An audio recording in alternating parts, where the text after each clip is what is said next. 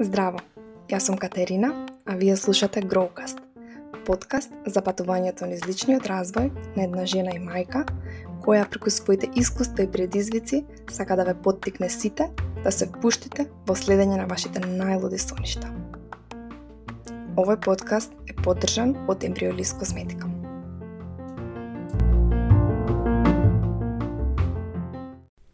Здраво, здраво на сите и добре дојдовте во уште една епизода на Growcast. Оваа епизода е последна од серијалот Изговори и овој последен изговор некако дополнително решив да го додадам затоа што размислував и откако ги објавив тие четири изговори кои што за кои што досега зборував, една девојка ми пиша дека често изговор, односно пречка за нешто да се почне или да се отвори бизнис или да се направи некоја промена или да се а, тргне во нешто ново се парите. И решив да го додадам овој изговор и да а, го обработам на некој начин низ уште една подкаст епизода во овој серијал. Па на тема а, немам пари за да започнам нешто ново, да почнам бизнис, да сменам некоја а, навика, да направам некоја промена. А, ке зборувам од аспект на лично искуство и ке зборувам од аспект на а, туги искуства и сето она што можев да го дознам во изминатите неколку години, односно на кој начин а, можете да го надминете овој изговор и зошто тоа не е валидна причина за да не почнете нешто. Па ќе започнам со една од моите омилени еден од моите омилени цитати од Тони Робинс, а тоа е, е никогаш не се работи за твоите ресурси, секогаш се работи за твојата ресурсност, односно твојата ресурсна состојба. И оваа филозофија е апликативна на сите, сите изговори, но особено на оние кои што се финансиски изговори, односно немам пари за да почнам нешто.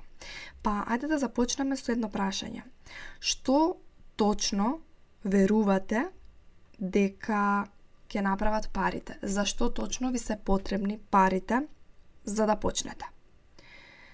Дали мислите дека ви требаат пари за да научите некоја нова вештина или да почнете нова кариера? Тоа не е а, нужно точно, затоа што да научиш нов а, скилсет најчесто во денешно време е бесплатно и ако имате а, пристап до интернет и што го слушате подкастов дефинитивно имате, тогаш а, можам да кажам дека а, за да научите нова вештина, а, дефинитивно не ви се потребни пари. Денес има толку корисни видеа на YouTube, толку бесплатни курсеви, буквално ако а, споите неколку видеа можете да направите цел курс самите вие и да научите сосема нова вештина преку бесплатни а, видеа. Она за која што плаќаме кога се запишуваме на некој курс, на некоја едукација, е структурата, процесот и оној чекор по чекор план што ни го дава а, предавачот, едукаторот, а, менторот и така натака на таа едукација. Но тоа не значи дека тие информации не се достапни бесплатно на секаде на интернет. Доколку пак сакате да започнете некој бизнис и мислите дека ви требаат пари, не знам колку капитал за да го започнете, тогаш ве повикувам да размислите уште еднаш. Може би пред 10 години тоа е тоа би било точно, но денес мислам дека дефинитивно нема ниту една причина а да не почнете, затоа што се што порано морало да се плати или не било достапно, денес како имаме бесплатно и толку многу ресурси, алати, а, апликации, софтвери, ги имаме секогаш во бесплатна верзија. Секогаш почетната верзија од тие а, алатки кои што се користат за почнување на бизнис се бесплатни до одредена а, не знам количина, одредени број на јузери, одреден број на имейл адреси, одреден број на курсеви и така натака. Значи без разлика на тоа што, што сакате, каков бизнис сакате да отпочнете, многу е веројатно дека нема да ви треба некој огромен капитал за почеток. Е сега, доколку се работи за некој бизнис кој што на вистина бара а, доста поголем капитал, доколку сте креативни и одлучни дека сакате тоа направите тоа, има многу, многу начини да ги добиете финансиите кои што ви требаат. Но за тоа ќе треба да ги истражите сите легални опции и ако сте посветени ќе сигурна сум дека ќе успеете тоа да го направите. А, например, денеска разговарав со една а, драга жена која што е една од моите следбеници и често комуницираме и со мене ја има споделено незината приказна и тоа на кое што работи.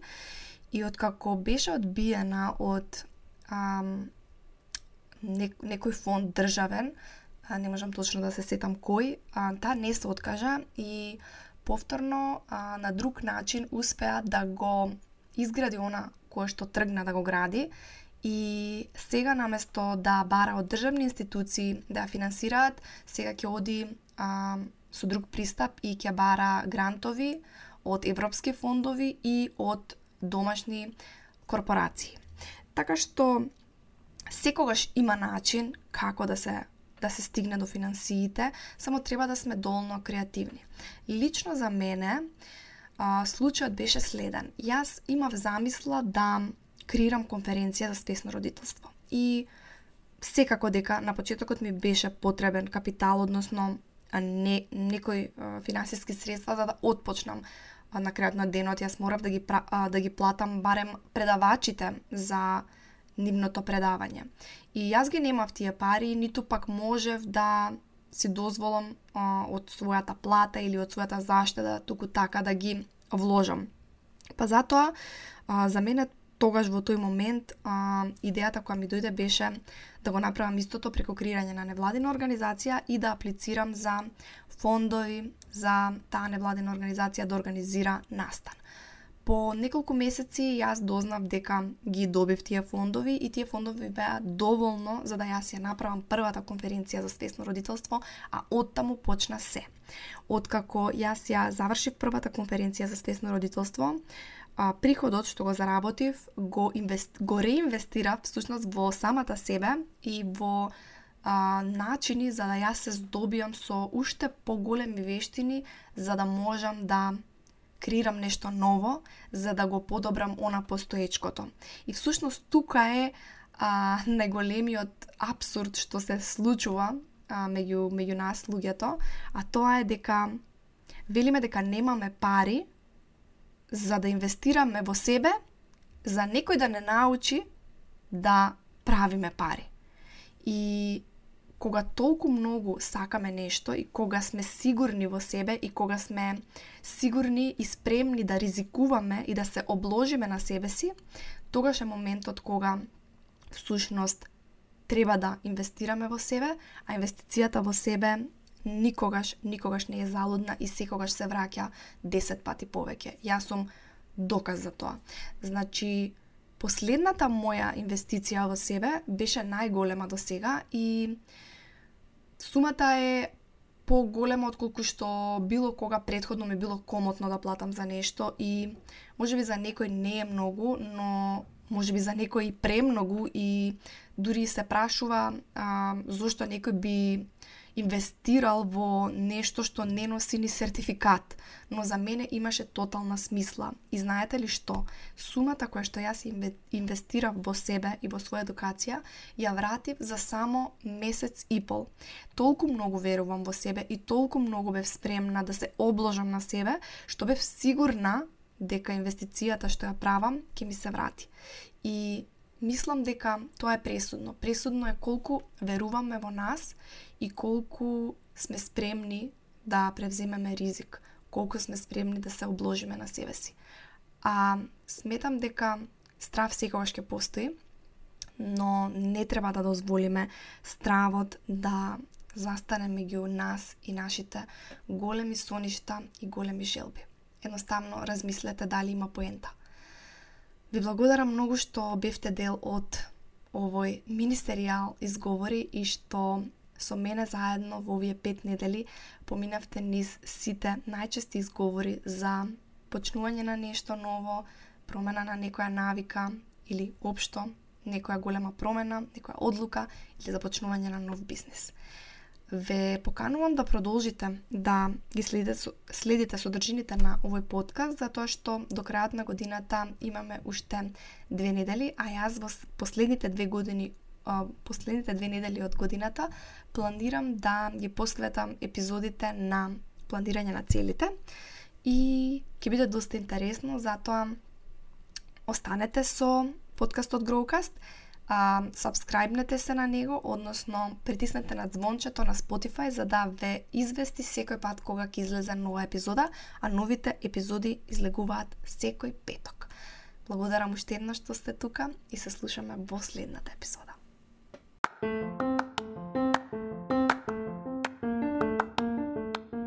Благодарам што го слушавте подкастот на мајка ми.